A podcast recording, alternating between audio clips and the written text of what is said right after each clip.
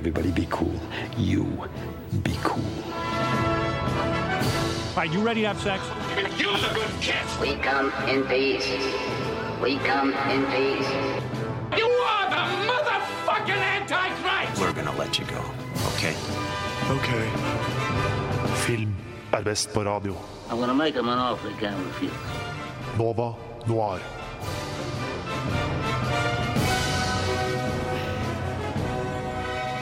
God? god morgen.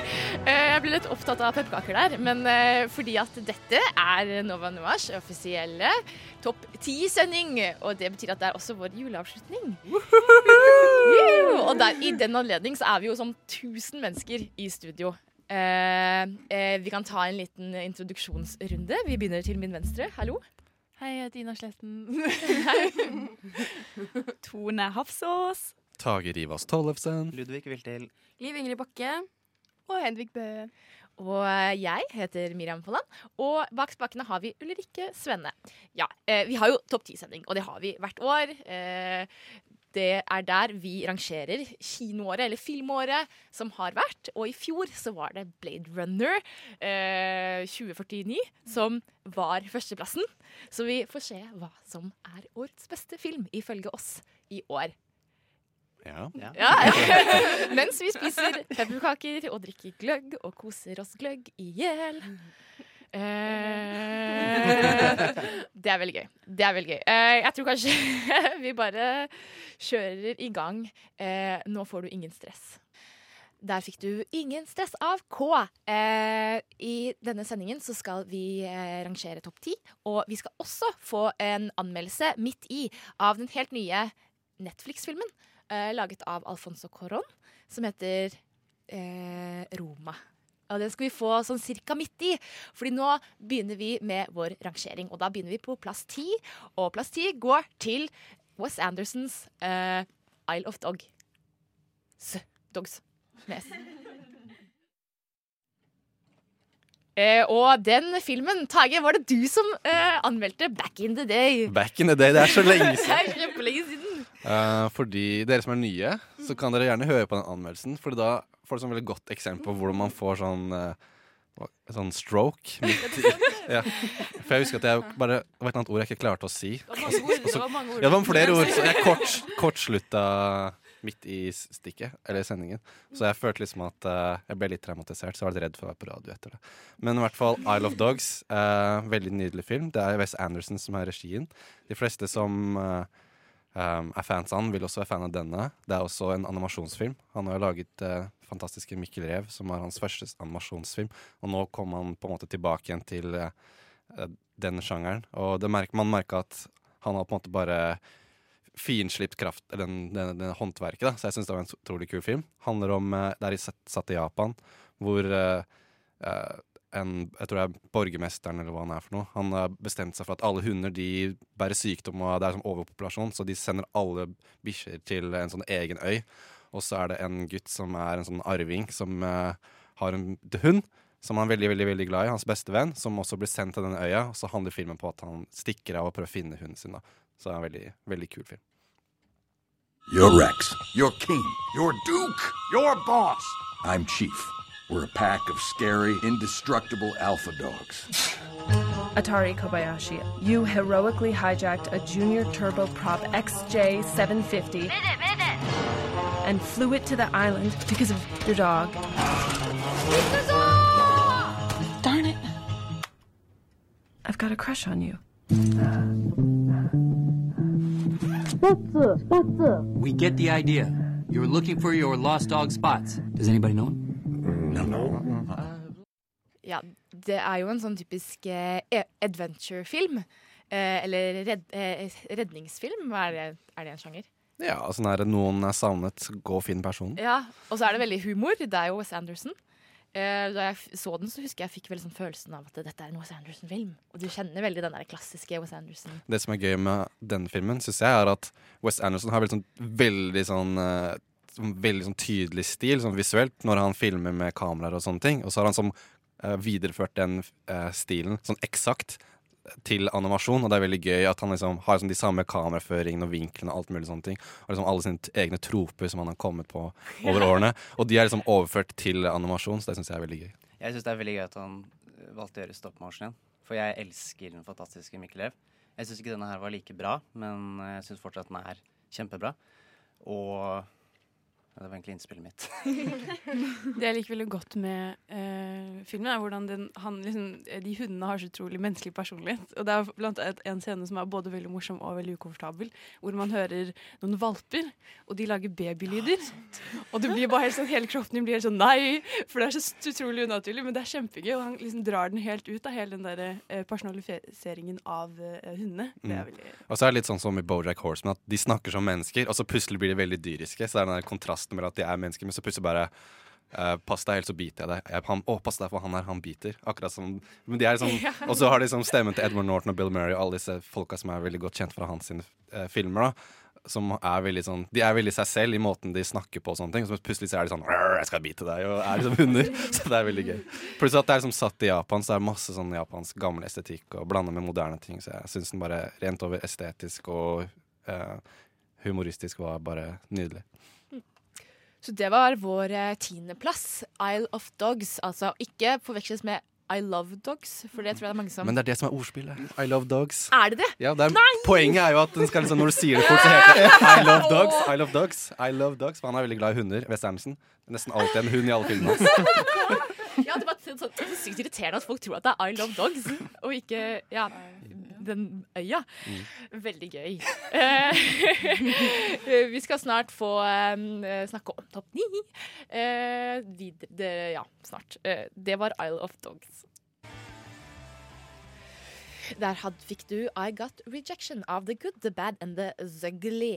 Og eh, vi er Nova Noir her i studio i dag, og vi rangerer eh, kinoåret 2018, eller filmåret 2018.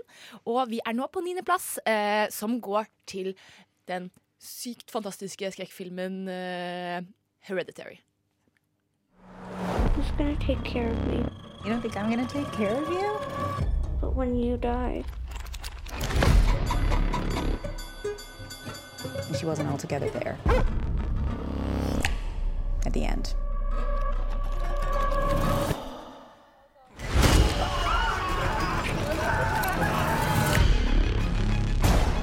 I don't like this. Dad, I don't like this. What's happening?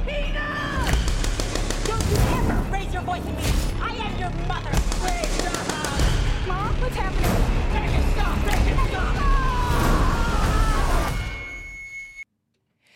Og Tage, du hadde denne filmen på nummer én på din topp ti-liste. Dette er den beste filmen fra 2018. Ferdig med saken! Ja, eh, hvorfor det? Hvorfor det? Nei, den har jo alt som jeg altså det er, Grunnen for at jeg satte den som nummer én, er for at det er den filmen jeg har tenkt mest på, og den som har som satt et størst støkk i meg, og som jeg har kost meg mest med når jeg så den, og som jeg hadde gleda meg mest til. Og den levde opp til alle mine forventninger. Uh, det er en film som eh, Altså For de som ikke har sett den, så vil jeg ikke si for mye om handlingen, for det er beste med skrekkfilm for meg, er å gå inn vit, hvor du vet minst mulig.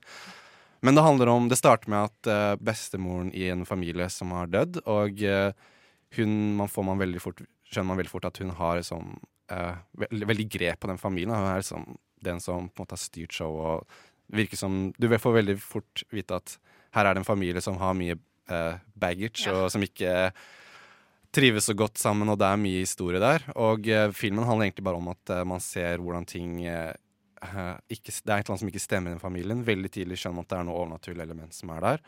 Og så rakner det bare mer og mer og mer, og mer, og det er det jeg elsker med skrekkfilm. At du at du bare ser at ting går rett og slett til helvete sakte og rolig, og det som kryper seg under huden din, og på slutten så bare nei, det, Man det bare sitter der og bare føler seg helt sånn forferdelig. Og det elsker jeg. Jeg husker eh, Første gang jeg så den, så var jeg kjempedum, for jeg så den når jeg var alene hjemme. Alle i kollektivet mitt var borte. Så de hadde sett den med først, så måtte vi gå og ta øl etterpå for å liksom dempe den frykten vi, eller den ubehaget vi hadde i kroppen. Og etter at vi hadde gjort det, så måtte jeg ringe kjæresten min, og så måtte han følge meg hjem til leiligheten, opp trappen. Inn i leiligheten, og så må jeg inn på rommet mitt og låse døra for jeg kunne ikke, og legge meg. da For jeg kunne ikke være alene i leiligheten etter å ha sett den. Fordi den er Åh, den setter seg så sykt i kroppen din. Men det syns jeg var greit, eller kjekt med den. Sånn, jeg blir også veldig veldig redd av skrekkfilmer, mens den her syns jeg faktisk ikke var så dritskummel. Det var ikke sånn at jeg kan ikke gå ute. Fordi at det er ikke bare helt sånn unaturlige ting som popper opp. Det var liksom en grunn til at det var der. Og jeg likte at den ikke var sånn overdreven eh, eller sånn, Den sparer veldig på kruttet. da Og når den er skummel, så er den skummel ordentlig, og den tar det dritlangt. Alle de liksom ekle scenene Mm. tar den veldig langt. Men den er ikke noe sånn eh, Man blir liksom ikke mett da på det som Mm. er skummelt. Og det synes jeg er veldig mange Det er det som skiller liksom en veldig god skrekkfilm fra en veldig dårlig skrekkfilm.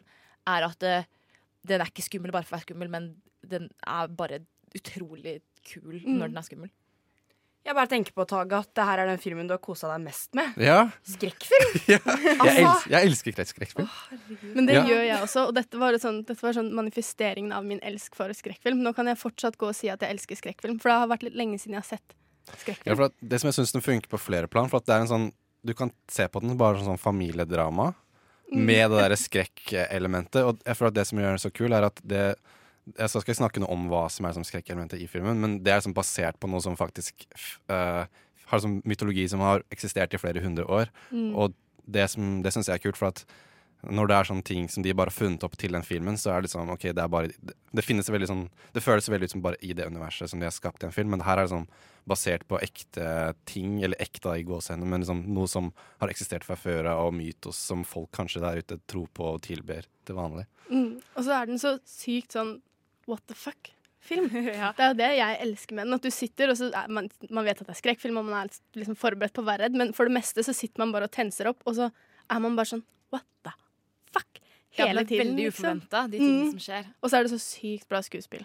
Ja. Så for en som ikke liker skrekkfilm, så er det her egentlig en veldig gøy Altså, Ja. Jeg vet ikke, for at når jeg så den på kino, så følte jeg at det var nesten bare jeg i salen som likte den. For det var liksom enkelte scener som er veldig sånn dramatiske. dramatiske. Jeg hørte folk begynte å le i bakgrunnen for at de syntes at skuespilleren sikkert var teit. da Så tenk, så ble jeg sånn her, oh my god Det her er sikkert sånn en idiotskrekkfilmfan som bare har lyst til å ha jump scares hvert femte minutt og bare 'Å, Mm. var ikke skummel, og jeg skvatt aldri'. Bare de kan ta seg en bolle, for det her er en jævlig bra Ja, for det spørs hvor, Hva er grunnen til at du ikke liker skrekkfilm? Er det fordi du syns det er skummelt, eller er det fordi du syns de er flate og kjedelige? Fordi jeg liker egentlig ikke skrekkfilmer som er sånn som type The Nun, da. Ja. Men jeg tror det er hvis du elsker filmer som The Nun, og det er det du vil ha fra en skrekkfilm, så kommer ikke du til å like Hereditary.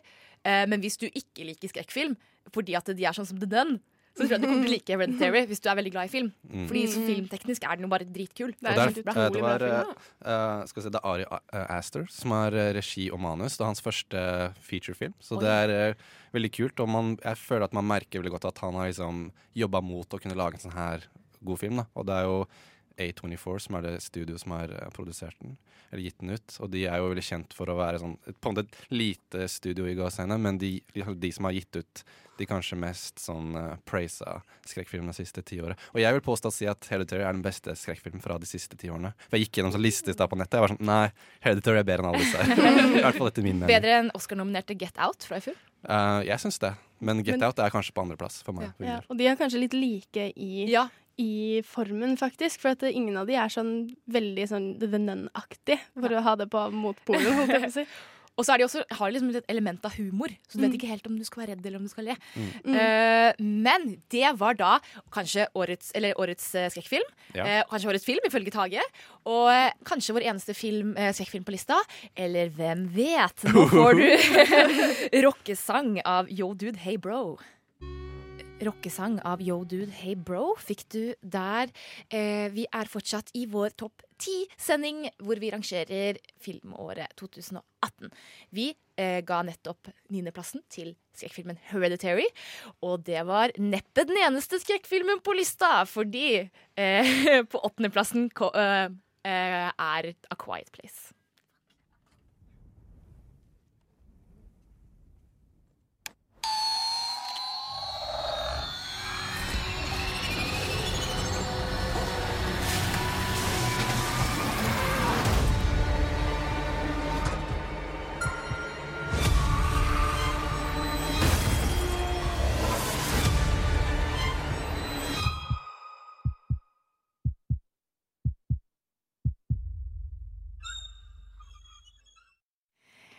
Man får kanskje ikke så veldig mye idé av hva som skjer i filmen akkurat i det klippet, men det er på en måte litt av poenget, kanskje.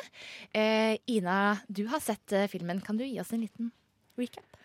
Den er plassert i en litt sånn postapokalyptisk verden, hvor eh, det har kommet noen monstre til eh, jorda som eh, følger lyd. Så det er en familie, da, eh, mor, far og barna, eh, barna deres, som lev, lever helt i stillhet. Og det er derfor den traileren her også er uten noe dialog, fordi det er veldig lite dialog i den. Eh, bare du, de må gå på sand eh, for at de ikke skal lage høye fo eh, fottrykk, f.eks. For eh, fordi alle små lyder kan trigge de monstrene. Da. Og det blir en veldig sånn spennende og eh, Selv om det er helt stille, så blir den veldig nervepirrende. Og eh, du blir helt sånn revet med i den eh, intense stemningen da, som er i filmen. Det som er av dialog, er jo da på tegnspråk. Fordi at Jeg tror kanskje det som er litt av greia, eh, er at de har overlevd fordi at de De som overlever, er de som ikke klarte å være helt stille. Og alle lyder, altså hvis du mister noe på bakken, det kan trigge dem. Og denne familien kunne alle tegnspråk fordi at den datteren er døv. Så eh, det er jo tegnspråket en del mm, Og det er veldig spesielt med en skrekkfilm hvor uh, det er så stille. Og det, jeg så den på kino, og jeg tror at det er den sånn ultimate filmen å se på kino pga. at lyd er så essensielt i filmen. Og det er sånn, når man drar på kino, så tenker man å jeg drar det for at man skal ha sånn bras. At liksom med høyttalerne og hele opplevelsen av liksom surround og hele pakka. Men det som jeg synes var så kult med å se den på kino, var at folk i salen ble så sykt selvbevisst på å ikke lage lyd når de satt og så den også, for det ble så intenst. For at liksom helt fra starten så skjønner du at eh, hvis det, noen eh, lager lyd, så går alt til helvete. Og det var på et tidspunkt uh, når jeg så filmen at noen sparka en colaflaske, en tom colaflaske når det var sånn skikkelig intenst eh, på filmen. Så ble folk sånn «Hå!» så Å ja! Det var bare i salen at noen faktisk lagde en lyd. Så begynte alle å le litt. For det var sånn, var det sånn at alle i salen var sånn selvbevisst på at oh shit, det er et sykt intenst nå, vi tør ikke å puste nesten. Så jeg syns det var utrolig kult. Jeg, Eh, jeg turte ikke se den på kino, og det angrer jeg skikkelig på, for jeg endte opp med å se den hjemme. Eh, fordi ja? Det gikk ikke så bra når jeg så Hereditary, for eksempel. Da. Eh, og da var det sånn, da kan jeg ikke se Quiet Place heller. Men eh, jeg, så, jeg får jo ikke den samme opplevelsen. Det var jo er det jeg angrer på, da, at jeg ikke valgte å se den på kino. Så hvis man får muligheten det en eller annen gang, eller har en venn med et jævlig bra eh, lydanlegg, så vil man det. Jeg så den på Dolby Atmos på eh, den Odeon. Og det var kjempekult, for Dolby Atmos er på en måte sånn 3D-lyd. Og når lyd er så essensiell del av den filmen, og du hører på en måte lyden bak deg og overalt, så var det veldig kult. Så hvis den noensinne settes opp på Cinemateket, eksempel, de har Dolby Atmos, så anbefaler jeg å gå og se den med en gang. Ja, men jeg synes det var en utrolig smart film, for at, uh, jeg har ikke sett en film som var lignende den før. Og det, det med at de snakket tegnspråk, ga så utrolig mening for den settingen som de var i. Mm. Og uh, nå husker jeg ikke hva han heter, men det er han uh, ene fra The Office. John Krasinski. Ja, som har regien. Og, og uh, han spiller utrolig bra i filmen. Og det var sånn utypisk, eller sånn noe annerledes enn jeg har sett han tidligere. Og så har det også Emily Blunt. Så utrolig bra uh, skuespill. Og også barna også. Syns de er veldig flinke alle sammen. Og de er jo real life eh, couple. De er jo gift på ekte, og de spiller jo sykt bra sammen. Er det ikke også debuten til John Krasinski? Så det er to skrekkfilmer som er debutfilmer Wow, på listen. Er ikke det det, er det, er litt gøy? Mm. Åpenbart at det har kommet til at det har trengtes et friskt pust da, for skrekkfilmer etter de siste årene. Det jeg også liker veldig godt med den filmen, er at eh, fordi at alt er så stille, så kan de ikke eh, hvile seg på dialogen for å fortelle historien. Og det er så utrolig kjedelig med sånne filmer som alltid må liksom være så sykt forklarende. Spesielt skrekkfilmer som er sånn Ja, dette har skjedd, og de er sånn, og, og dette er det som har skjedd. Og så er det så lat filmskaping, da. Mens den her er så smart i det at det, alt du skjønner, skjønner du ut ifra det visuelle.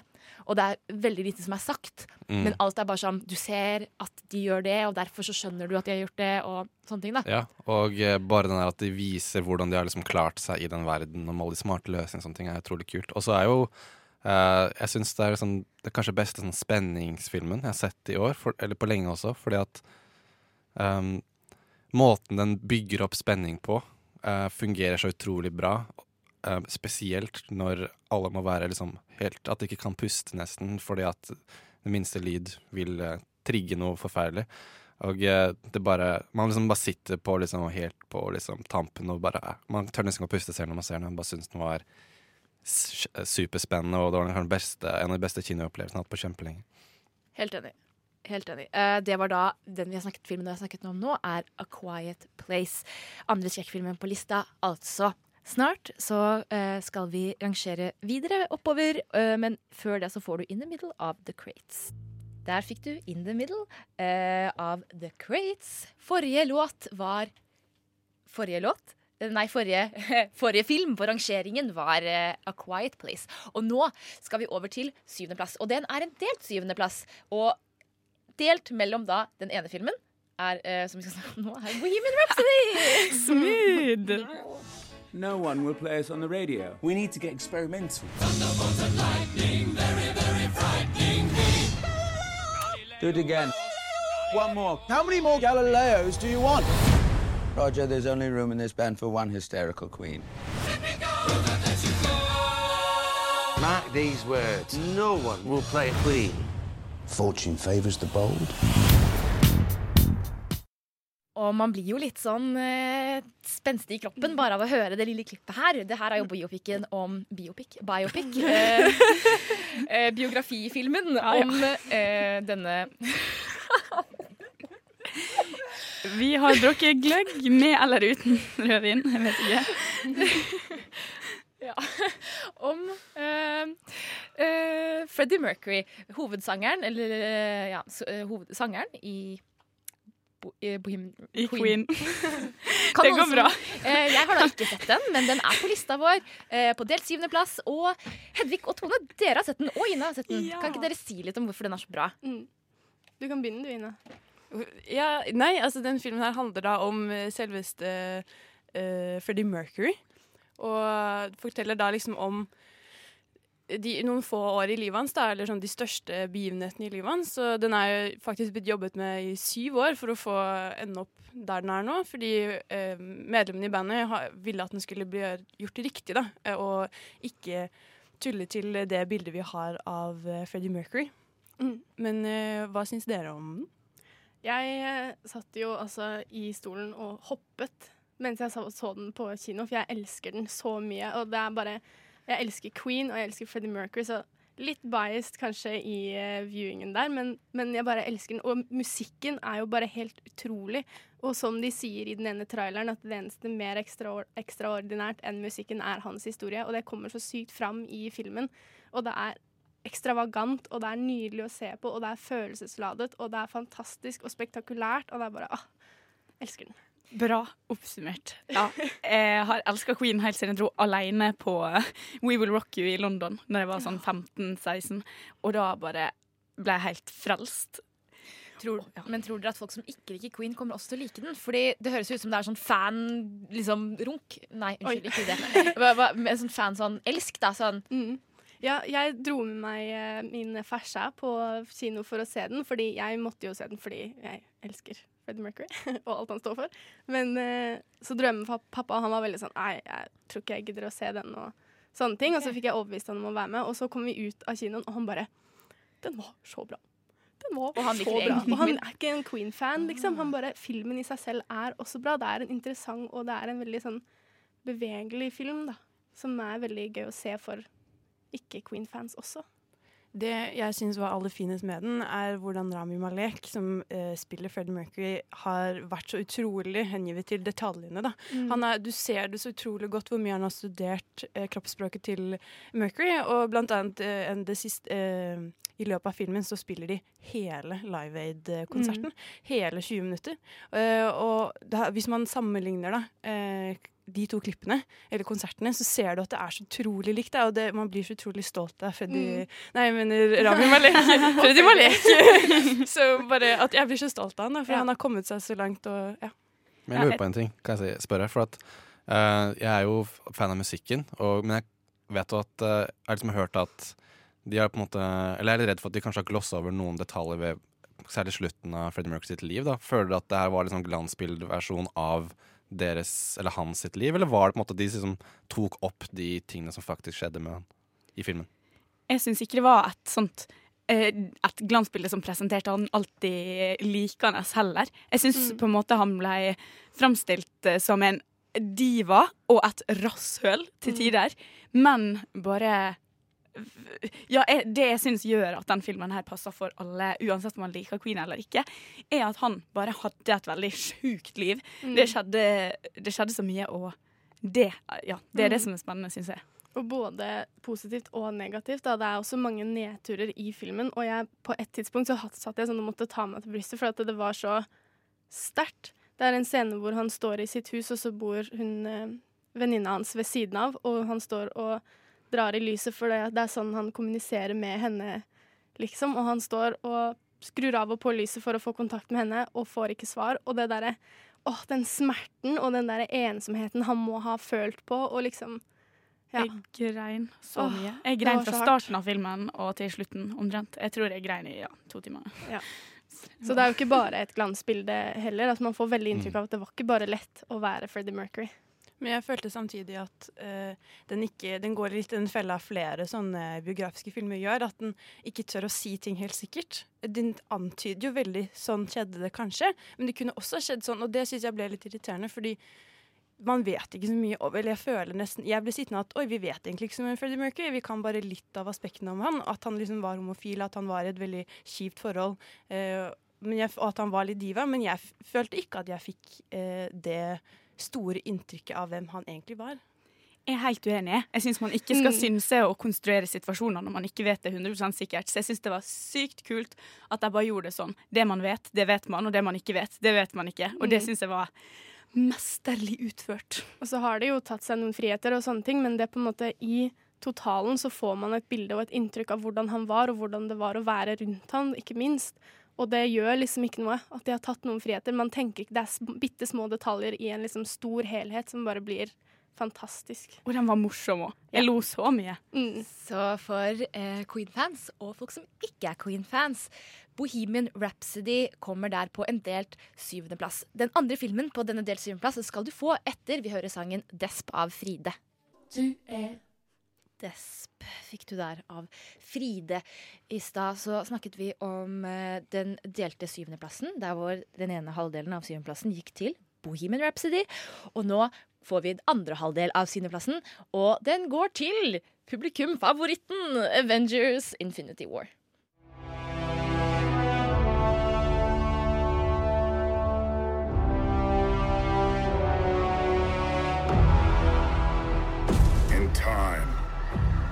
Know what it's like to lose. To feel so desperately that you're right, yet to fail all the same.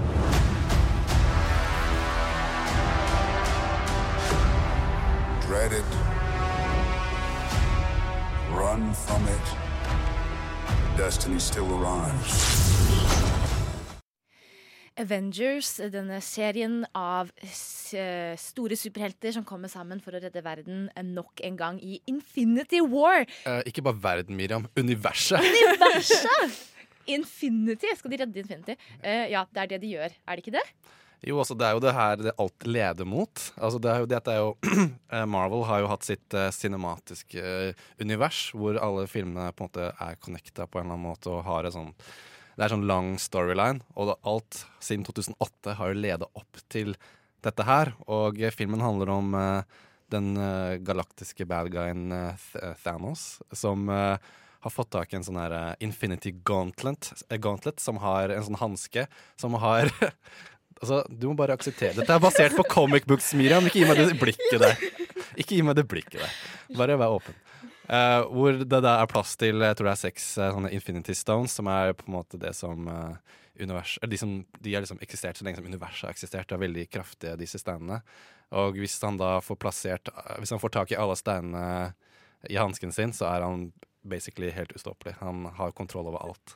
Og det er, denne filmen handler om uh, våre kjære, elskede helter som må prøve å stoppe uh, denne Thanos. Men de har jo, dette er en liksom alltid, de har alltid liksom hatt en sånn eh, vært sånn cirka equal, eller liksom litt svakere enn helten, men nå er det sånn For at nå er det sånn første gangen hvor eh, filmen, eh, denne, disse filmene har faktisk hatt noe Det er noe på det er noe som kan skje, da. Det er sånn Du føler at nå, shit, nå kan faktisk noen av våre helter dø, da. Det står faktisk noe på spill. Ja, for første gang. Det som er veldig kult med den, er at eh, de har blitt litt lei av eh, superheltfilmer de siste årene, for jeg føler at de er veldig like. eh, og de har veldig den samme storylinen. Og eh, det er ikke noe spennende da, å se på superheltfilmer, føler jeg. For det er aldri noe sånn Jeg er ikke noe redd for at det skal gå galt. Jeg vet alltid at det ender godt.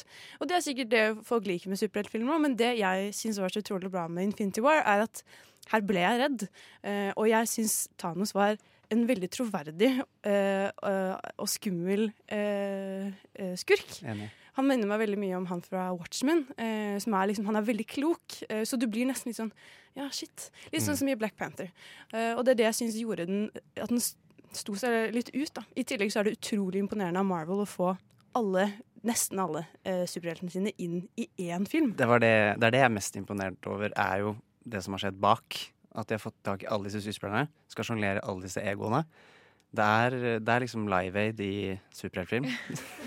Men eh, er, er det ikke kanskje noe kan, kan det gjøre det litt kjedelig? At det er litt for mange Nei, karakterer? for jeg det, var, det som er så kult, det jeg synes var så gøy med den første Avengers, er at da hadde man liksom sett en, en Thor-film, man hadde sett liksom Captain America og så Iron Man osv., hver for seg.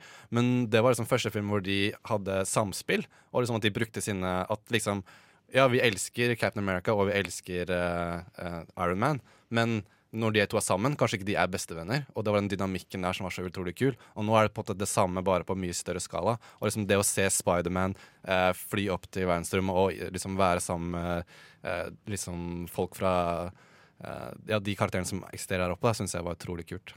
De klarer å skille karakterene i hver sin liksom, eh, handling, som likevel er like spennende.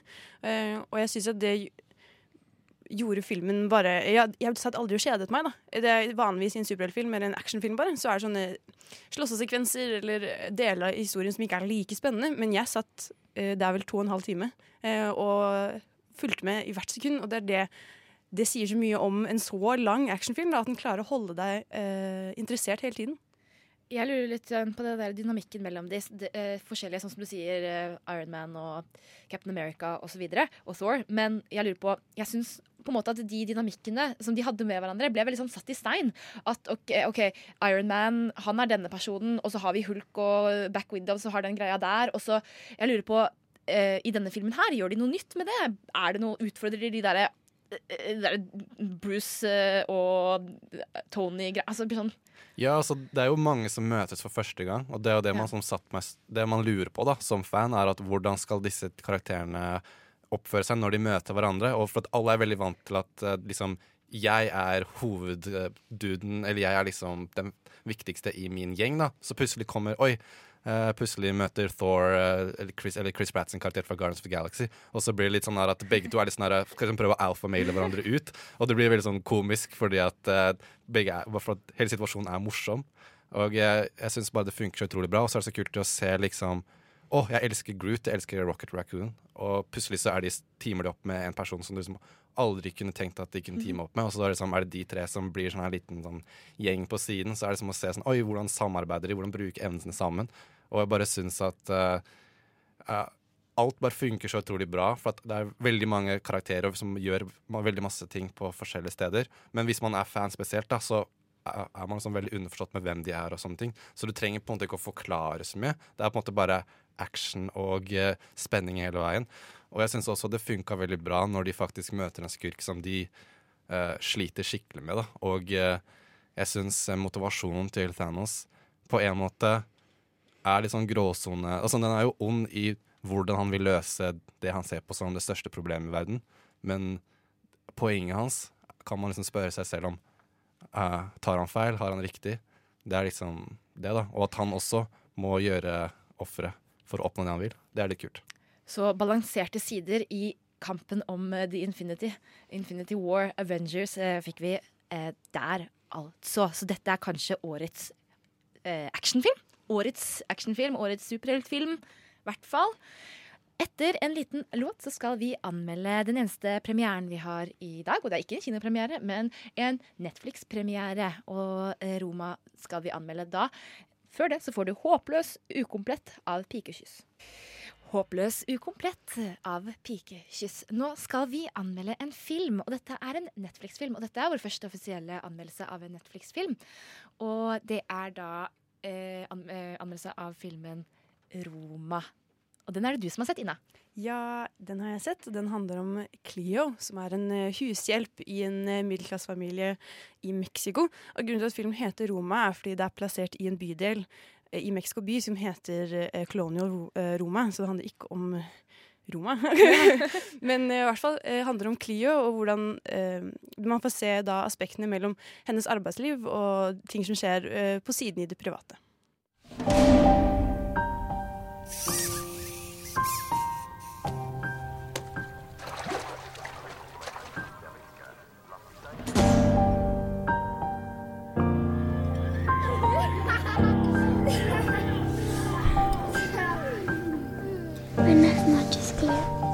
Noches, Filmen er da regissert av Alfonso Cuarón, og han har ikke kommet med en film på fem år. eh, Og det var 'Gravity', som han vant masse Oscar for. Og han er kjent for flere filmer som 'Children of Men' og eh, 'Harry Potter fanga fra Skaban'. Eh, så han har gjort veldig mye forskjellig, da. Og denne filmen er noe helt annet enn det vi kjenner han for. Denne filmen er filmet i svart-hvitt og er veldig redusert. Da. Den er veldig utrolig simpel da, i forhold til de, de eh, store og ekstravagante bildene vi kjenner eh, Koran for eh, tidligere. Og den fokuserer heller på kvinner som blir oversett. Cleo er jo hushjelp, men hun er så utrolig mye mer for den familien. Hun er hele, hun er limet, det sier til og med familien flere ganger. Du er limet, vi hadde ikke fungert uten deg. Eh, og den er veldig veldig sterkt basert på Koran sine egne eh, barndomsminner. Eh, på slutten får vi vite at filmen er dedikert til Libo, som er hans, eh, hans egen hushjelp fra når han var eh, ung. Eh, Så du ser da veldig tydelig gjennom hele filmen hvor utrolig påvirket den er av Korans barndomsminner og kjærlighet. da. Eh, den, ja. Alfonso Coron, er han fra Mexico City? Eller fra Ja, er- Og den er jo på spansk, filmen? Eh, meksikansk. Ja, på meksikansk. Ja. Eller det er ikke Ja. Eh, og, eh, og skuespillerne er også egentlig ikke spesielt- kjente, i motsetning til på en måte Sandra Bullock og George Clooney og Nei, det er de eh, helt sant. Hovedpersonen, hun, det er hennes eh, debut. Hun har ikke spilt noe før, eh, og hun heter så mye som Yalitza eh, Aparicio. Eh, og hun er utrolig god, eh, men samtidig så får jeg en følelse av at det er sånn hun er i virkeligheten. Hun er eh, stille og gjør ikke så veldig mye ut av seg, og det er litt av problemet til filmen nå. Det, er, eh, det tar veldig lang tid før du eh, blir kjent med henne. Før du liksom får, det er veldig viktig å få en relasjon til de personene. For at du skal heie på noen, da, så syns jeg det er viktig at du blir kjent med personen. Og det tar veldig lang tid i Roma. Og derfor må du ha veldig mye tålmodighet. Du må hele tiden følge med, da. Eh, for den har en tendens til å bli veldig lang. Eh, Kåran er veldig kjent for sine veldig lange scener. At du kan se en person gå helt fra døra til andre siden av gangen, åpner døra, går på do, hører at personen går på do, og kommer tilbake igjen. Og da blir man sittende der og helt sånn Hvis du ikke er forberedt på det, eh, så det, kan det bli litt vanskelig. Og dette er jo en Netflix-film. Det er det som er litt uh, overraskende. Da. Det er en veldig utradisjonell hva kan man si, i gåseøyne Netflix-film. Den er men det er jo eh, I fjor så vant eh, Eller var eh, Eller i forrige fjor så var Netflix sin Mud, eh, Mudbound nominert til flere Oscarer, men det var veldig mye sånn diskusjoner rundt det, fordi denne filmen går rett til strømmetjenester. Så denne filmen skal gå på et par kinoer, annet eh, her i Oslo, så folk burde absolutt få den med seg. fordi det jeg syns er så vanskelig med sånne filmer, er at de fortjener jo å være på storskjerm, eh, på et lerret. Eh, men blir jo veldig Jeg ser for meg at denne filmen kan også bli veldig fort redusert hvis den er på en liten skjerm, da. Eh, Men tror du at den kommer til å bli Oscar-nominert? Jeg, det jeg, synes, jeg har så mye anvendte følelser for denne filmen, fordi eh, jeg ser at den er skikkelig god. Eh, den er så utrolig godt gjennomført, og jeg ser at alle andre elsker den. Og jeg syns det er veldig vanskelig, fordi jeg fikk ikke den følelsen Koran vil at jeg skal få. Jeg fikk ikke den tilknytningen til Cleo, selv om er Jeg syns filmen var kjempegod og gjennomført. Jeg bare Den gjorde, gikk ikke helt til toppen for meg, fordi den bare Ja, den krever så mye av en seer, da, eh, som jeg syns blir litt vanskelig for meg, da. Så den ville ikke kommet på din topp ti-liste hvis du hadde sett den før vi lagde topp ti-lista nå? Jo, ja, litt lenger nede, kanskje. Ja. Eh, kanskje på 10.-9.-plass. Den er veldig god, men bare, den er ikke like rystende som jeg tror han vil at den skal være. Samtidig så er den kjempeviktig for å sette lys på de eh, kvinnene man Eller bare de menneskene da, som er i hverdagen din, men som du aldri ser eller gir oppmerksomhet til. Eh, og det syns jeg den får deg til å tenke, og det syns jeg er veldig kult med den. Og hvilken karakter lander vi på, da? Eh, jeg gir den syv av ti. Eh, og, og jeg har en bedre, litt mer grundig begrunnelse på Radio Novas nettside, hvor jeg har skrevet en litt lengre anmeldelse, hvor jeg går litt mer inn i dybden på hvilke aspekter som jeg liker veldig godt, og hva jeg ikke liker med den. Så hvis du lurer, så bør du gå inn og sjekke ut den. Ja. Der har Ina anmeldt Roma, Netflix-originalfilmen. Vi skal snart tilbake til vår topp ti-rangering, men før det så får du Bobbys Second uh, World med The Orleys. Bobbys Second World av The Orioles. Du lytter til Radio Nova.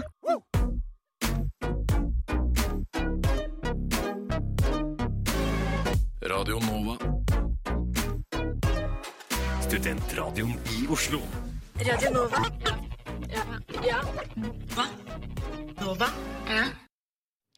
Vi er jo eh, Nova Noir her på Radio Nova, og vi er her for å rangere filmåret 2018. Nå har det gått en time, vi har enda en time igjen, og nå er det gullet som kommer nå fra femteplassen til førsteplassen. Og da, i den anledning, så er vi nå på femteplass. Som er Ai, Tonja!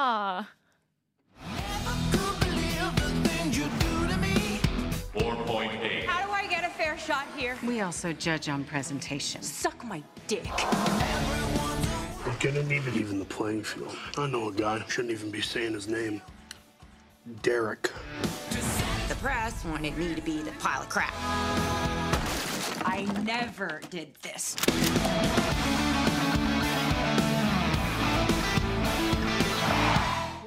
Margot Robbie spiller da i denne filmen The Infamous Tonya Harding. Tone, du hadde denne filmen ganske høyt på din liste. Vil du si litt om den? Ja, det er jo eh, ei sann historie om eh, Tonja Harding og hvordan hun ble verdens beste kunstløper. Og absolutt ikke fikk den eh, crediten hun fortjente.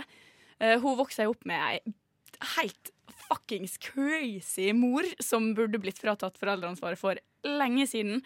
Eh, Men det er gøy på film. Altså, hun fikk jo en datter Eller hun klarte å få datteren til å bli veldig flink på å stå på kunstskøyter. Ja, det Må du ikke lide For litt si for sånn, eh, håndverk her? Barn som blir tvinga til Barn å må pushes. sy klær i Kambodsja, er også flink å sy. Jeg føler denne filmen egentlig bare er en uh, unnskyld, unnskyldning da, uh, for på måten media har behandlet uh, Tonja Harding på. Fordi det man ser veldig tydelig i filmen, er hvordan det handlet egentlig ikke bare om at det er handler jo om klasseskille. Hun er jo fattig, og hun har ikke de fineste eh, draktene. Mens de som er pene og flinke og har fin musikk, de gjør det kjempebra. Absolutt. Ja, så Det er derfor jeg sa at hun ikke får den respekten hun fortjener. Fordi hun får jo til og med ikke anerkjennelse når hun klarer å gjøre ting som konkurrentene hennes ikke klarer. Så behandler dommerne hun som white trash og bryr seg ikke om at hun er mye bedre. Jeg føler også at det må påpekes at filmen handler om den hendelsen som skjedde Var det før vinter-OL i 1994, eller når det var? Hvor eh, hun ble innblandet, eller eh, spekulasjoner om hennes, hennes og eksmannens innblandelse i en ulykke som skjedde med hun andre skiløperen, som jeg ikke nå husker hva heter, men hun fikk Det var ja. Skiløyper. Ja.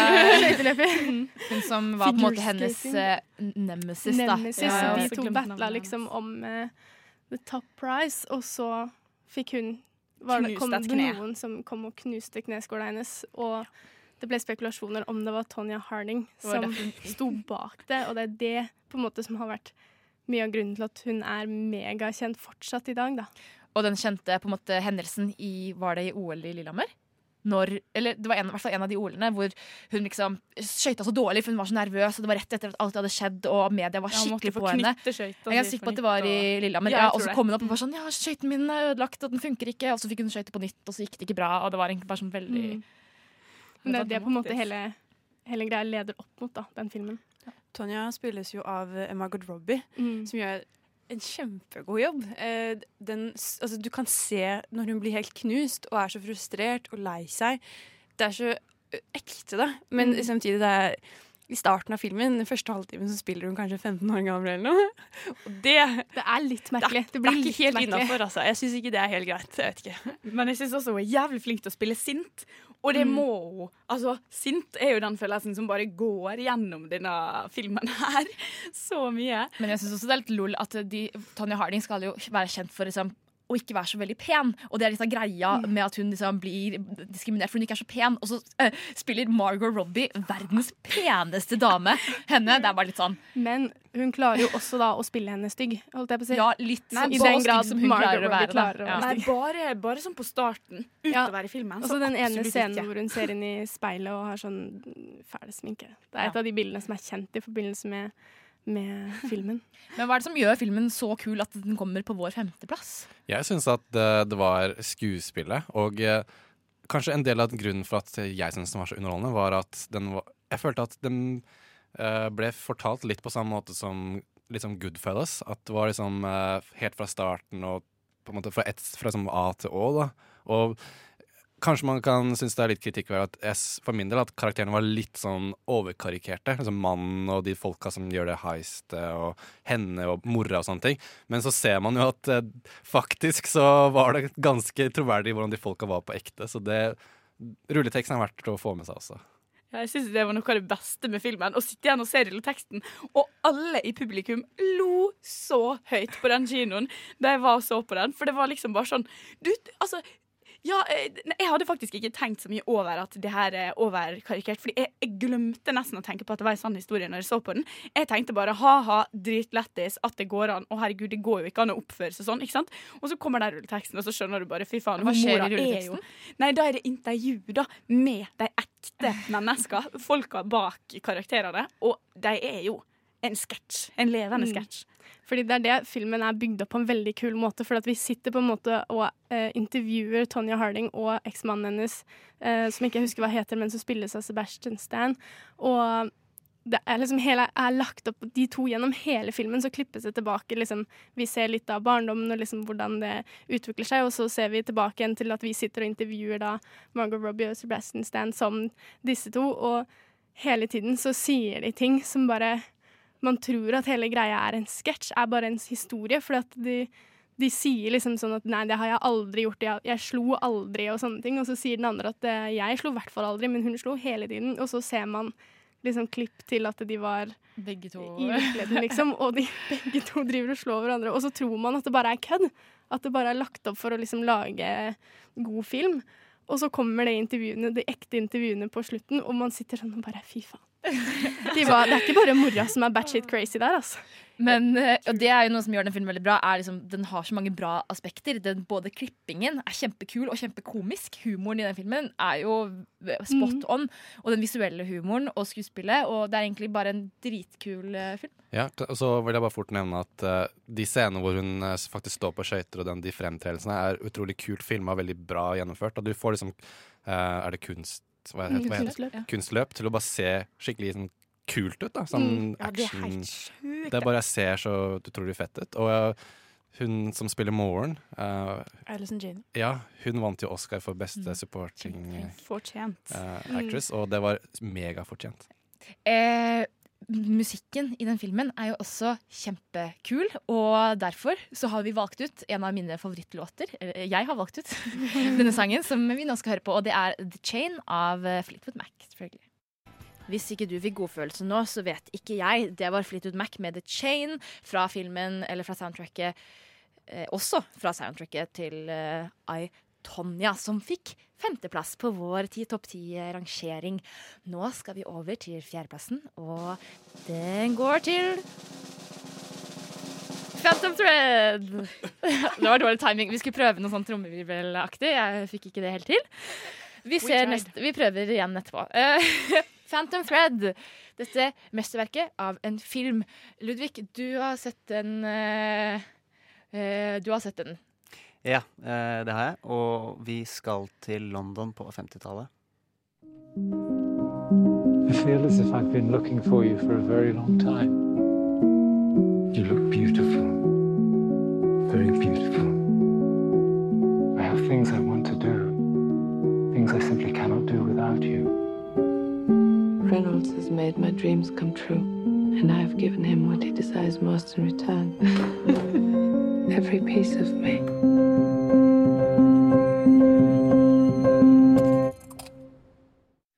Og Ludvig, hva er greia her? Hva handler det her om? Den handler om Reynolds Woodcock, som er liksom en av Londons største uh, kjolemakere. Uh, Han spilte Dan DeLuis i sin angivelige siste rolle, som er ganske tragisk. Han har sagt det før, da, så det er mulig han er full of shit. Men i hvert er fall, han er et geni, uh, og som litt sånn stereotypisk uh, sånn hot couture-geni, så er han også veldig, veldig perfeksjonist. Og ikke så veldig snill mot sine ansatte. Uh, Eller de rundt seg, som ja, generelt. Ja. Han er visst etter sigende inspirert av han spanske Balenciaga. Den etter merket, liksom. Ja. Um, og i filmen så møter han Alma, som utvikler seg til å bli hans muse. Eh, og filmen sånn eh, Handlingen tar jo for seg deres to forhold. Deres to sitt forhold. Men jeg syns filmen utmerker seg mye bedre på det tekniske. Der har jeg mye mer å snakke om enn innhold. Ja, fordi jeg ble litt overrasket da jeg så den, for jeg hadde ikke trodd at det var på en måte en kjærlighetshistorie. Og det er en kjærlighetshistorie, og det er ikke det også. Eh, fordi den handler veldig mye mer om eh, Ja, eh, det er, det er mer på det tekniske, og det er mer på den historien om denne karakteren og dette, denne, dette håndverket, da. Jeg, jeg føler at uh, Paul Thomas Anderson har liksom lagd en historie for å kunne gjøre det tekniske han gjør i denne filmen. Mm. Som en slags backdrop. Men samtidig så føler jeg historien er Jeg ble i hvert fall veldig overrasket over hvor eh, Den sier liksom fuck you til alle de der mennene som er sånn Å, jeg er så sykt perfekt, jeg kan bare ha den perfekte kvinnen, og du må gjøre sånn for meg, og du må være sånn og sånn. Så kommer Alma og er bare sånn Nei, jeg har ikke tenkt å gjøre det. Men fortsatt så har de et utrolig fint forhold, da. eh, Og de utfordrer hverandre, og, og de har et ja, jeg liker den dynamikken mellom de to. Da. Det er ikke bare hun er pen å se på. De, hun utfordrer han, og eh, ja, de har et veldig fint forhold. Jeg var veldig imponert over at de klarte å gjøre den eldre mann, yngre kvinnegreia på en litt mer classy måte enn veldig mange andre gjør. Ja, den var veldig smakfull, og det var ikke noe sånn at hun var yngre for å, for å være noe sånn type sånn sex eh, At det skal være sexy, eller at det var bare fordi de kunne ikke ha en eldre dame. Fordi det er jo en eldre dame som spiller i den filmen, som spiller søsteren hans, og hun er jo kjempefantastisk. Nå eh, har jeg akkurat glemt hva hun heter. Eh, hun heter Leslie Manville, som er en fantastisk skuespiller. Og Eh, ja, så, så det forholdet blir så utrolig fint, selv om det er denne aldersforskjellen. Og ja, som du sier, det er veldig smakfullt og veldig Men det jeg har lyst til å, som jeg trekker frem som kanskje perfekt her, er fotografien. Jeg syns kanskje dette er, om ikke årets, så kanskje tiårets best, beste fotograferte film. Og det sier mye. Nå er Paul Thomas Anderson sine filmer ofte det, men det har liksom bare gått oppover teknisk for hans del. Og det som er så utrolig trist, er at eh, um, han mista sin vanlige fotograf. Så fotografijobben var en sånn collaboration med mange, som han, ikke, som han ikke har valgt å nevne navnet i. Blant annet han selv. Uh, så Det er da er det ikke Det er uncredited eh, fotografi. Og da kunne ikke vinne den Oscaren som de bankers hadde vunnet. ja. For de fikk jo for kostyme, som er veldig passende Ja. for filmen. da Ja, ja. Men den, den var så bankers, den uh, prisen. Så jeg er jævlig irritert for at han ikke credita bare én eller annen. Og det er- ta med seg. Det er veldig kult hvordan denne filmen varer veldig lenge. Den er jo over to timer lang, er den ikke det? Og så er den også egentlig ganske slow-paced. Det skjer ikke noe sånn plott sånn åh, nå skal det skje. Men allikevel så holder den deg der hele tiden. Den er så mye mer spennende. Den virker jo Altså, det handler om en fyr som lager kjole, liksom. Er det spennende? Ja. Det er kjempebra. Det det. Jeg lurer på en ting, for at jeg er veldig fan av Paul Thomas Anderson sine filmer. Altså, Jeg så nylig The Master. Jeg ble helt sånn her, oh my god, Ja, dette er, den er så bra, den her. Men hvordan liksom eh, Har det bare gått oppover, eller er det, liksom, hvordan tenker du at den filmen ligger i forhold til hans andre filmer? sånn? Er den her nye favoritten deres, liksom? Nei, jeg tenker sånn overall så liker jeg ikke Altså, jeg, han er min favorittregissør, og jeg setter alle på en veldig høy pidestall, så liksom si dårligst blir veldig Ja, ja, det blir jo som å vente blant Nei, jeg syns ikke dette her var den beste Eller som sagt den best fotograferte, men ikke den best innholdsmessige. Men jeg merker på han at han blir Han blir mer og mer sent sentimental jo eldre han blir. Ja. For han startet å lage filmer da han var 25, og da var han litt mer vågal. Lagde filmer om porno, boogie og sånne ting. Og nå lager han denne Mm. intime historien, da. Ja, og den er mye mer sånn delikat, kanskje, enn de andre filmene. Mye mer teknisk, som du sier, og mye mer sånn eh, sømløs. uh, og veldig, veldig vakker. Og så tror jeg vi også må nevne, før vi går tom for tid, at eh, helt utrolig skuespillerprestasjon av Dan Day-Lewis igjen. Som alltid. Som alltid, men det er bare sånn Du glemmer litt hva ekte Eller sånn hvor fantastisk han er fra film til film. Og så ser du film, og så er det sånn Å ja! Det er dette som er det beste av skuespill. Sånn, jeg, jeg, jeg vil si hands down verdens beste skuespiller som lever. Fordi det er bare noe helt annet. Han drar deg inn i en rolle på en helt annen måte. Han blir en annen, en annen menneske enn alle andre skuespillere jeg vet om klarer. Ja, jeg må si det. Men han vant ikke Oscaren, da. Hvem var det som vant? Det var Å ja, jævla Gary Oldman for Darkest Hour. Ikke fortjent i det hele tatt. Fordi, okay, fordi det hadde jeg et egentlig veldig godt poeng på. Fordi at det som er forskjellen på de to. Gary Oldman blir Winston Churchill. Han blir en annen person, og det er jævlig imponerende. Men det som er kult med Dan Day-Lewis, er at han klarer å eh, bli menneskelig. Og han blir liksom alle, på en måte. Eller sånn, det er et eller annet med sånn Dan Day-Lewis som er sånn han eh, Translator humanity, da, som eh, noen andre har sagt om noen andre en annen gang. Det er ikke mine egne ord, men det er det han gjør, og det er det som er så jævlig fett. Han blir menneske. Han, blir, han har alle de menneskelige trekkene og alle de menneskelige følelsene, og det er en stor forskjell. Og derfor syns jeg at han burde vunnet den. Han går gjennom helvete for hver rolle han tar, da. Ja. Så det er fortjent. Men han kan ikke slutte. Det gidder jeg Nei, det håper jeg ikke. Han gjør nok ikke det. Det er bare dramatisk. Han er dramatisk. Vi venter ti år, så kommer han med en ny film. I hvert fall, tredjeplassen gikk til Phantom Fjerde. Thread. Fjerdeplassen! Sorry, vi er på fjerdeplass. Gikk til Pate Andersons mesterverk Phantom Thread. Litt sånn rar skurring på slutten av sangen der. Interessant valg uh, av A Grave With No Name. De hadde sangen Fire Island. Og nå er vi på pallplasseringen på vår topp ti, og på tredjeplassen har vi Three Billboards outside Ebbing, Missouri. Det var vanskelig å si eh, det lange navnet i en sånn derre eh, måte. Men uh, Three Billboards Outside Ebbing, Missouri. Enda en Oscar-favoritt i fjorårets Oscar. Uh, og vil noen si litt om den? Kanskje siden jeg hadde den på førsteplass Ja, på du min liste. på førsteplass. Jeg syns det var den beste fra, som jeg hadde sett, i hvert fall. Fra Enig. i år. Uh, og den handler om Mildred, fremragende spilt av Frances McDormand, som vant Oscar, hovedrolle-Oscar for den rollen. Og hun spiller en mor eh, som har mistet datteren sin til eh, mordvoldtekt. Og hun føler at eh, lokale, eh, lokale politiet ikke har gjort nok for å finne morderen. Eh, så da har hun leid fire sånne svære billboards langs gata som liksom eh, kjefter på lokalt miljø. Ja, de er ganske So on what you can and cannot say on a billboard. I assume you can't say nothing defamatory and you can't say fuck, piss, or cunt. That right? Or anus? I think I'll be all right then. I guess you're Angela Hayes' mother. That's right. I'm Angela Hayes' mother.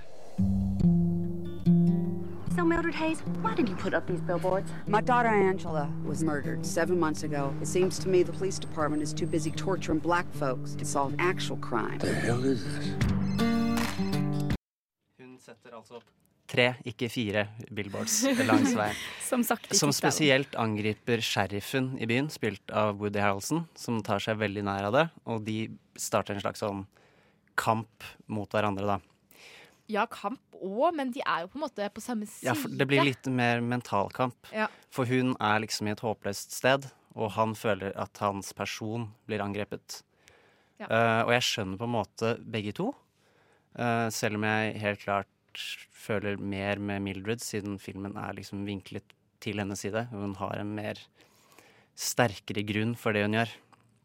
det som er kult med den filmen, er på en måte det er ikke bare det som skjer, men det er i denne liksom, konflikten så utfolder det seg veldig mange andre historier som er veldig veldig interessante, og veldig mange interessante karakterer å se på.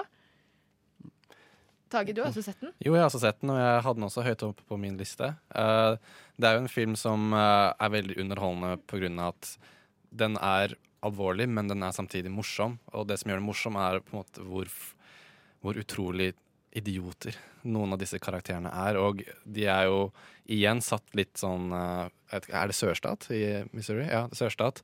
Og det jeg syns alltid er gøy med litt sånn redneck-aktige folk, og som blir Og det er veldig sånn eh, Frances McDormand sin karakter er veldig brautende og sånn jeg gir faen, datteren min er blitt drept og voldtatt. Dere har ikke gjort nok. Det, det ingen vet hvem morderen er.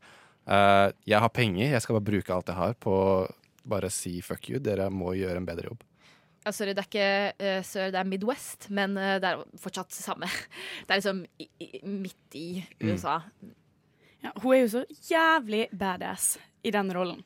Og den filmen gi, eller ga meg så mange følelser. Jeg satt på kino og jeg grein og jeg lo om hverandre. Og jeg merka med en gang vi begynte å snakke om den filmen, og Ludvig bare nevnte hva den handla om, så jeg fikk frysning over hele kroppen. Fordi jeg likte historien så godt. Den var så vond, og den var så jeg vet ikke, rørende. Og, ja.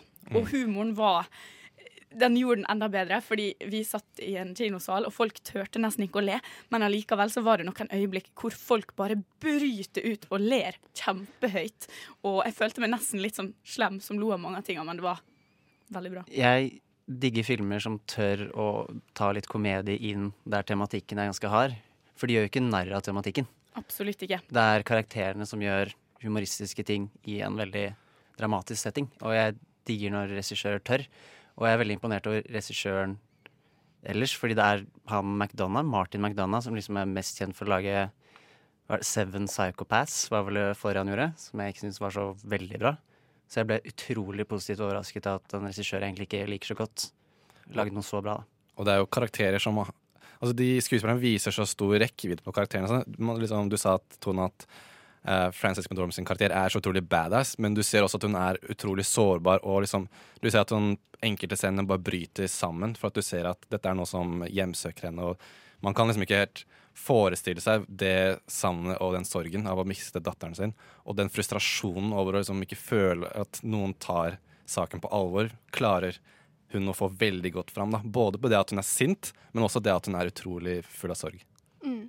Jeg hadde også den veldig høyt på min liste, og noe av grunnen til det Jeg satt og så den på kino, så var jeg litt sånn ambivalent til hva jeg syntes om den, om jeg syntes den hadde nok innhold, og hva jeg syntes om liksom skuespillerprestasjonen og, og karakterene og sånne ting. Og satt liksom, Man sitter og kjenner på veldig mye i løpet av filmen.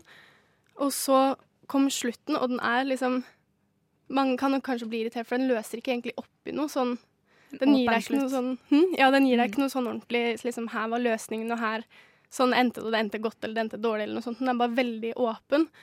Og det traff meg sånn akkurat i slutten. Så fikk jeg sånn Dette er en helt fantastisk film. For at den er, treffer deg bare som menneske, og den portretterer bare menneskelige følelser. Og det å være menneske, og det å være i en sånn situasjon hvor du bare er helt sånn Ja, truffet av ting, da. Så det ble veldig bra.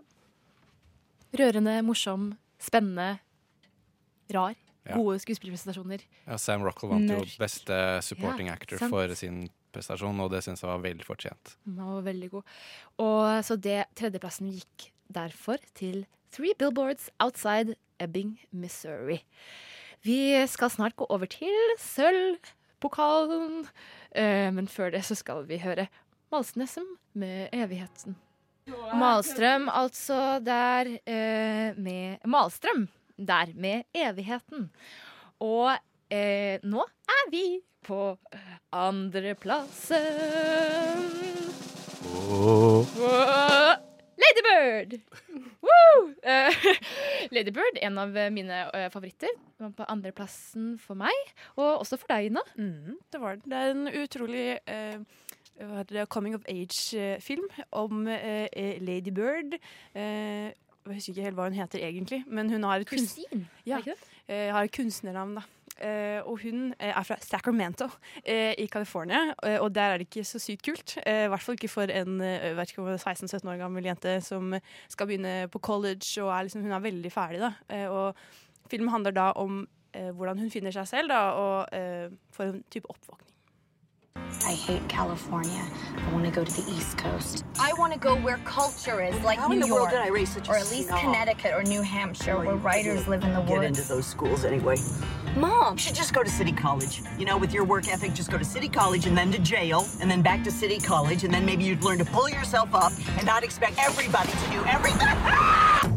Lady Bird, is that your given name? Yeah. Why is it in quotes? I gave it to myself. It's given to me by me. She has a big heart, your mom. She's warm, but she's also kind of scary. You can't be scary and warm. I think you can. Your mom is. Does mom hate me? If you're tired, we can sit down. I'm not tired. You were dragging your feet. You are so infuriating. Please stop yelling. I'm not yelling. Whatever we give you, it's never enough. It's never enough. It is enough. I want you to be the very best version of yourself that you can be. What if this is the best version?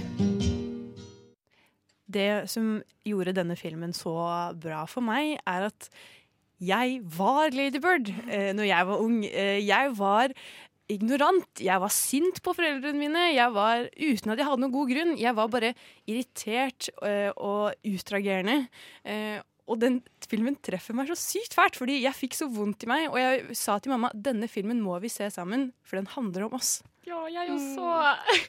Hadde du også det? Nei, men Å, ja, for at, jeg tenkte å si at det er jo det som på en måte gjør denne filmen så fantastisk, er at det, vi kanskje hadde forskjellig oppvekst, men begge to relaterer seg veldig til karakteren. For har, det er en scene hvor hun sitter og sier at hun vil til eh, østkysten, og hun vil til liksom, der hvor de store kunstnerne er, og hun har så mange ambisjoner, og hun vil ha liksom et idé om hvordan hun vil være, og det var så veldig meg, at jeg hadde liksom så mange sånne eh, ønsker om hvordan jeg skulle være, og hvem jeg skulle bli, og hva jeg skulle bli, og liksom høye ambisjoner, og så kommer noen og liksom, ja, hva, hva skal du da?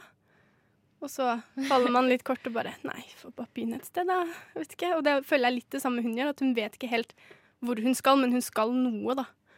Ja, jeg også er helt Jeg relaterer så sykt mye til den karakteren og det forholdet mellom moren, og jeg fikk bare lyst til å ringe moren min og bare si unnskyld, og Mm. jeg er glad i deg. Og, fordi det forholdet er jo på en måte det er en coming of age-story som handler om da Lady Bird, men det er jo egentlig en historie om forholdet mellom mor og datter. Og det er det som er det fineste med den filmen. Er den utrolige dynamikken som er bare så ekte. Den er Mm. bare sånn, det, det er sånn det er, og man står og skriker, og man er sånn derre! Mm, og jeg tror også spesielt det å som mor også, da. For det er jo både om deres forhold, men også det som mor å tørre å gi slipp på barnet sitt etter hvert. Jeg husker at uh, jeg sleit litt i starten når jeg så filmen, for at, med å like karakteren, da, eh, Lady Bird. Fordi jeg syns hun var så, som dere sa, hun var så, liksom, så urimelig og så slitsom og så litt sånn derre pretensiøs og alle disse tingene som ikke nødvendigvis er eh, gode kvaliteter. Men så etter hvert så ser man ting, for, for min del, da, som at jeg kunne relatere mer og mer til. Og uh, jeg syns liksom at um, etter hvert at jeg ble mer og mer glad i karakteren og hennes utvikling. Da. Og spesielt når man, hvordan det slutter og sånne ting, og man liksom ser hele bildet. At eh, den voks, altså, filmen vokste veldig på meg underveis. Da. Det syns jeg var veldig kult. Det jeg synes gjør den skiller seg også fra andre sånn typisk sånn tenårings-coming of age-filmer, er at den jeg føler ofte at de skal være så sykt kule, og du skal liksom hei, være så sykt sånn øh, Å, jeg skulle ønske jeg var sånn, men Ladybird er bare Hun er drittsekk, liksom. Det er, og du blir helt sånn, du blir flau. Og det er, nei, det er skikkelig Og det er det jeg syns er så kult med den. da. Den skal ikke glorifisere tenåringsperioden heller. Det er mer sånn se så teit du var. Og så Ja. se så ungrateful du har vært uh, hele livet ditt. Og så er det ikke sånn at moren skal være hun sure, sinte, og hun Ladybird er liksom den kule. Det er liksom, Man heier på begge to, og man føler med begge to hele tiden.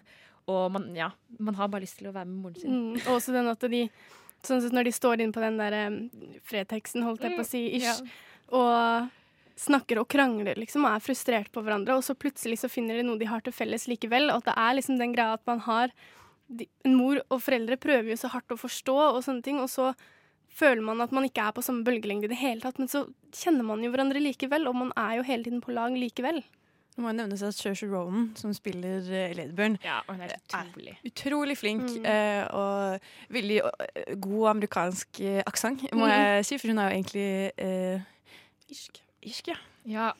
eh, Kjent fra annet Brooklyn, som eh, hun var nominert for Oscar for, for i, f i fjor, for fjor, eller forfjor. Ja. Noen år siden, i hvert fall. Og hun var jo nominert for denne filmen også, som beste eh, kvinnelige hovedrolle. Og Greta Gerwich eh, har jo skrevet den, kjent fra blant annet eh, eh, Frances Ha. Det er skuespiller, da. Ja, hun er skuespiller, og dette er eh, regidebuten hennes. Hun har både skrevet og regissert den. Og, og hun eh, vant eh, pris for beste eh, Ikke regi, men beste eh, manus. Og det er, jeg tror det er første kvinne Nei, det er det ikke. Det er andre kvinne eller tredje kvinne eller noe. Eh, men det er i hvert fall veldig, veldig kult, og det er debutfilmen hennes. Og jeg er i hvert fall veldig fan av henne, så jeg syns det var så sykt kult å se denne eh, regifilmen som hun, eller den har regissert. da. Hun klarer, Det er veldig åpenbart at dette er, handler om henne også. Ja. Eh, og det er det jeg syns er så utrolig fint. Da. At den, eh, hun klarer å, å oversette det da, eh, til, at så mange er enig med henne. Og det syns jeg er veldig, veldig imponerende. Det blir veldig ekte, og man føler aldri at karakteren er på en måte funnet opp, eller noe sånt, noe som man av og til kan henge seg litt opp i, at dette føles ikke ut som en ekte karakter, mens disse alle karakterene i den filmen, altså selv med, til og med faren som har en veldig sånn anonym karakter egentlig i filmen, man får så veldig sånn, åh, dette er ekte folk. Og guttene hun eh, henger med også, for eksempel Timothy Chalamet, som spiller tidenes Ja, douche. å, og bare, jeg var sånn Du gikk i min klasse, du sa på den teite gitaren din, og var sånn Jeg tror ikke på penger. Og jeg var sånn eh, superteit, og jeg bare Åh, jeg ble bare sånn Deg vet jeg hvem er, og deg var jeg forelsket i. Fordi man er så utrolig sånn Dette er sånn kjærlighet er, ikke sant? Men jeg husker at det var så sykt mange som lo i salen da jeg så den på kino. For at alle kjenner seg igjen i den type person, og så er det sånn herre Og det er så tydelig at han skal være At man skal le av den karakteren. Og jeg syns han klarte så utrolig godt å Ja. Spille morsomt, da. Altså Han var sånn unintentionally funny, og det syns jeg var dritlættis. Men han også er jo utrolig ekte, og filmen er jo spekket med sånne quotes, sånne livsquotes som man bare må ta med seg videre. Sånn som det er på et tidspunkt hvor han sier at du kommer til å ha så mye dårlig sex i livet ditt, liksom. Ikke vær redd for det. Og Det var så jævlig douche gjort. Akkurat Ja, da det skjedde. Det var Jeg synes det er så, det er så ting man faktisk Det er så mye i den filmen man faktisk skal ta med seg videre og huske på, da. Syns jeg. Man må jo ikke ha det. Jeg føler det var en ganske kjip scene. Jeg, jeg, jeg syns ikke det var words to live by.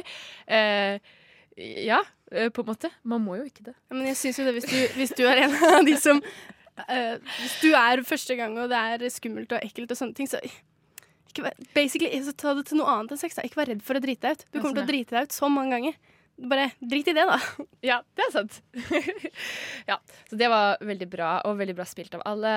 Eh, kjempebra film. Og har vi noe mer vi vil si om Lady Bird, egentlig? Nei, altså, Det er jo en veldig sjarmerende film. Eh, altså, Hvis man ikke digger Lady Bird eller blir frustrert, så er det utrolig mange sånne eh, støttende roller. Sånne småkarakterer Mm. på skolen og han eh, dramalæreren og sånne ting. Det bare er så mange bra karakterer. Så jeg satt og smilte og flirte hele veien, for det bare er så utrolig sjarmerende film. Jeg vil bare si at jeg ikke Eller jo, kanskje anbefale den til Tinder-dates. Jeg så denne på en Tinder-date, eh, men på kino, og det burde man ikke gjøre. Man burde se den hjemme. Netflix and chill. Netflix and chill med uh, Bull for jeg kan se for meg at det er sykt gøy å snakke om til Timothy Chalmers, som er sånn 'Å, husker du han?' Og være litt sånn relatable, Fordi det husker jeg når jeg satt i kinosalen og var sånn Dette var første gang jeg møtte han også, så jeg satt liksom der og var sånn Hadde lyst til å liksom kommentere og var sånn 'Jeg kjente han. Jeg kjente en sånn type fyr.' Men så bare gikk det ikke fordi det er innenfor en kinosal. Så, eh, men er sterkt imot kinodates uansett. da. trodde jeg du skulle liksom si at det der med dårlig sex At det var på en måte en oppløper til den i Tinder-daten. At man kunne bruke det det som en sånn breaking the ice. Nei, nei ok. veldig, veldig veldig bra film som man kan relatere til på mange nivåer. Morsom, gøy. Du kan se den når som helst med hvem som helst, eh, bare ikke på kino på Tinder-date. Lady Bird altså fikk andreplassen. Nå er det snart tid for årets film. Eh, årets film 2018 kommer straks. Men først så får du Gun av World Champion. Gun av World Champion. Og nå får vi World Champion av film. Fordi eh, hovedfilmen, den beste filmen av 2018, er Call Me By Your Name. Gratulerer til den, og gratulerer til oss eh, som står her og skal prate om den. Eh, Call Me By Your Name. Gratulerer til oss. Er. Gratulerer til oss. Den handler jo om denne gutten, Elio, og eh, hans forhold til en student som kommer og bor i, hus, i feriehuset deres i Spania en sommer. Italia. Eh, ja, i Italia.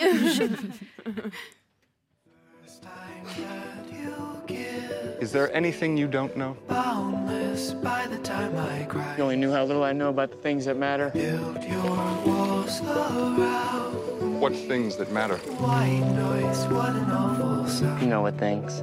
Tumbling by road. You saying what I think you're saying? Feel my feet above the ground. You shouldn't have said anything. Just pretend you never did.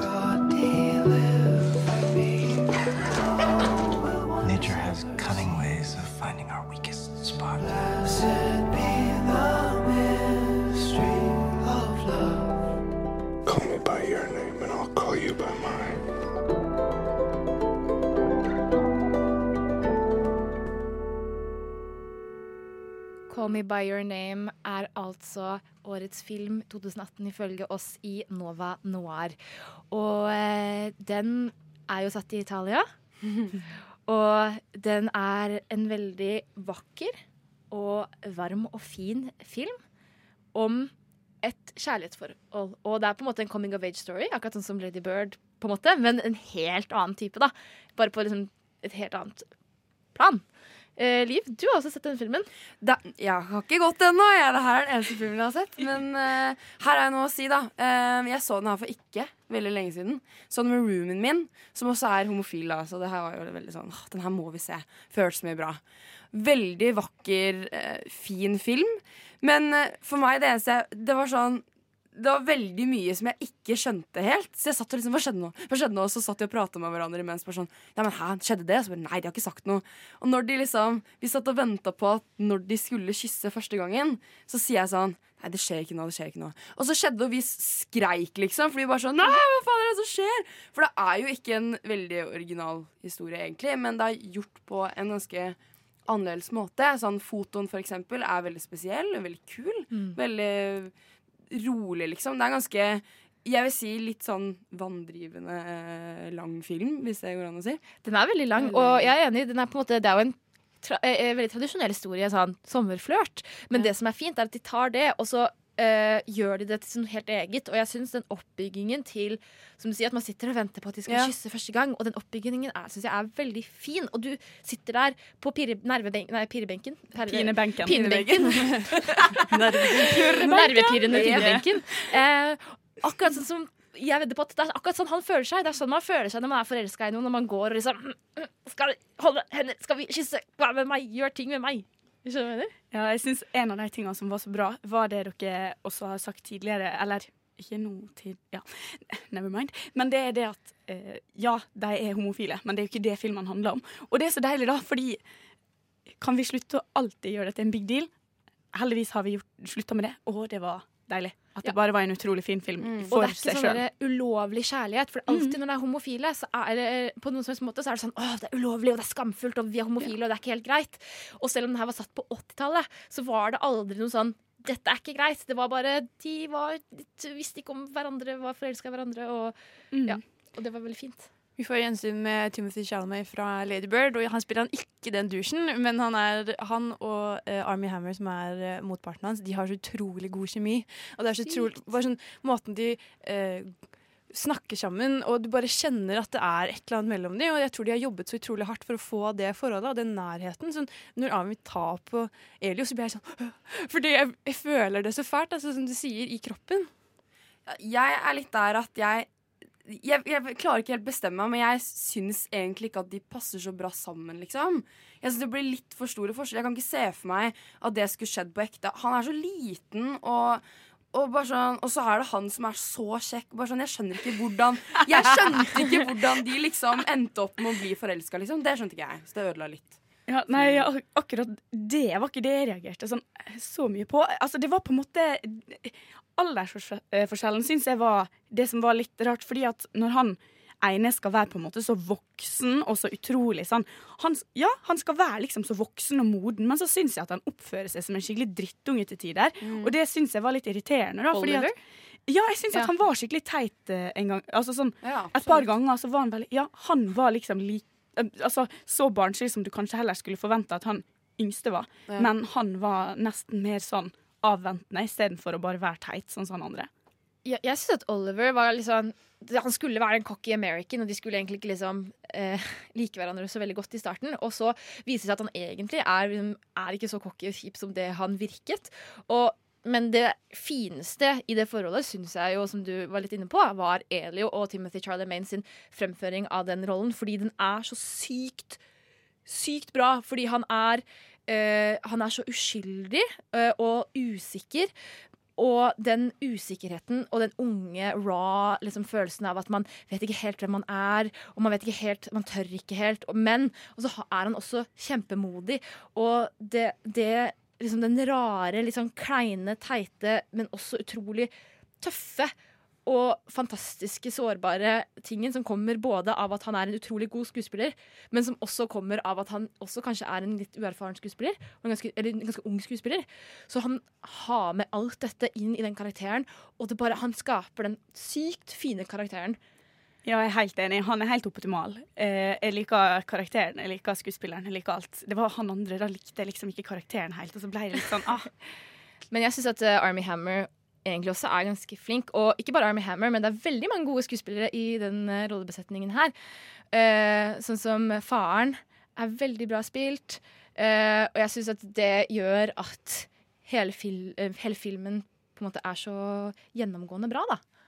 Jeg også syns at, eh, selv om jeg ikke syns de passer helt sammen, at skuespillet er det er så bra at det, det, liksom, det går jo fint. Det eneste jeg, jeg stussa på, var at jeg syns det bare gikk så fort fram.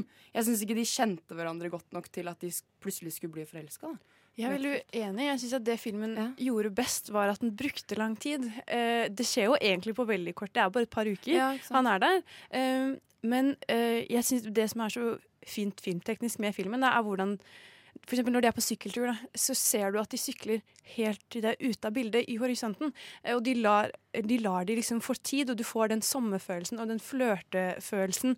Og det er, det er jo sånn når du er 17 år, som Elio er, så går det jo veldig fort. Du får kjempemye følelser og blir veldig sånn Herregud, denne personen her, det er liksom, hvor har du vært hele livet mitt? på en måte? Fordi det er din første forelskelse. Og det syns jeg egentlig er veldig realistisk. da, At det ble Mm. så veldig intenst for han. da. Ja, det er jo veldig intenst å bo sammen også. At de bor i lag fra de møtes. Og han bor på rommet hans, og de deler bad. og det er liksom, De ser hverandre hele tida. Det er bare de og familien på en måte som er kjerna der. da, Og så er det noen, noen folk de møter på fest og, eller spiller volleyball. Men ja, det, det er ikke, jeg syns ikke det er rart at det går så fort når man på en måte blir stappa inn i et lite hus i lag. da. Det jeg syns var bra med den, er at For det virker som han ikke er liksom helt funnet ut av sin egen seksualitet. da For han har jo sånn en slags flørt med en jente også.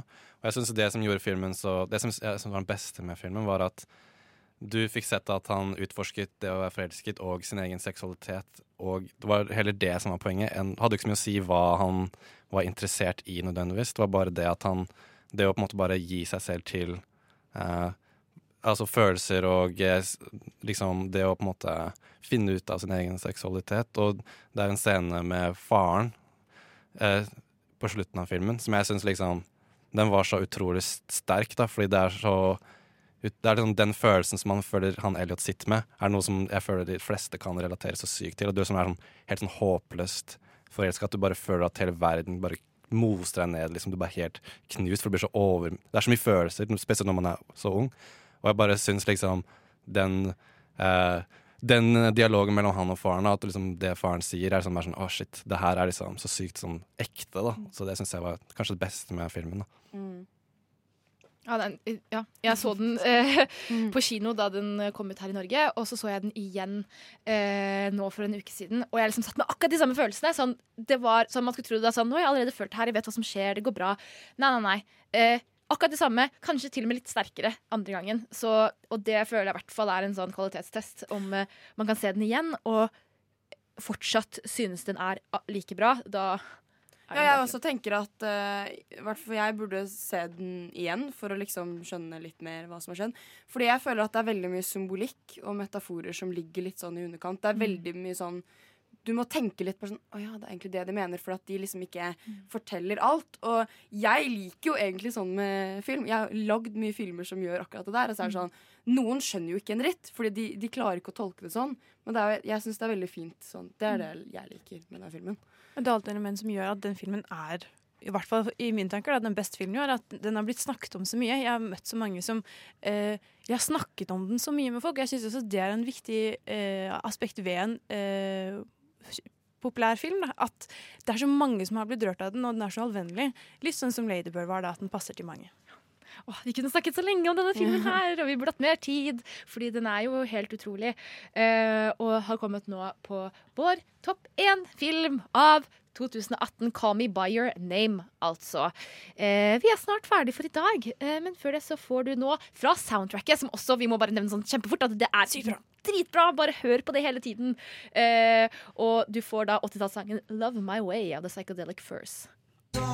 Du hører nå på Love My Way av The Psychedelic First fra soundtracket til 'Call Me By Your Name', som fikk førsteplassen i Nova Noirs offisielle kåring topp 10 av filmåret 2018. Det er slutt for i dag.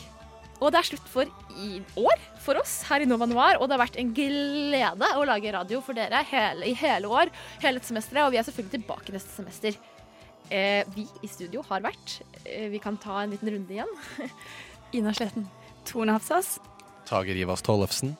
Hedvig Bø. Ludvig Filtil. Liv Ingrid Bakke. Og meg heter Miriam Folland. og bak spakene hadde- har vi hatt trofaste Ulrikke Svenne. Eh, førsteplassen gikk til igjen Call Me By Your Name, så den burde definitivt ikke se. Vi kommer til å legge ut en nettsak der vi har skrevet litt om alle filmene på topp 10-en vår.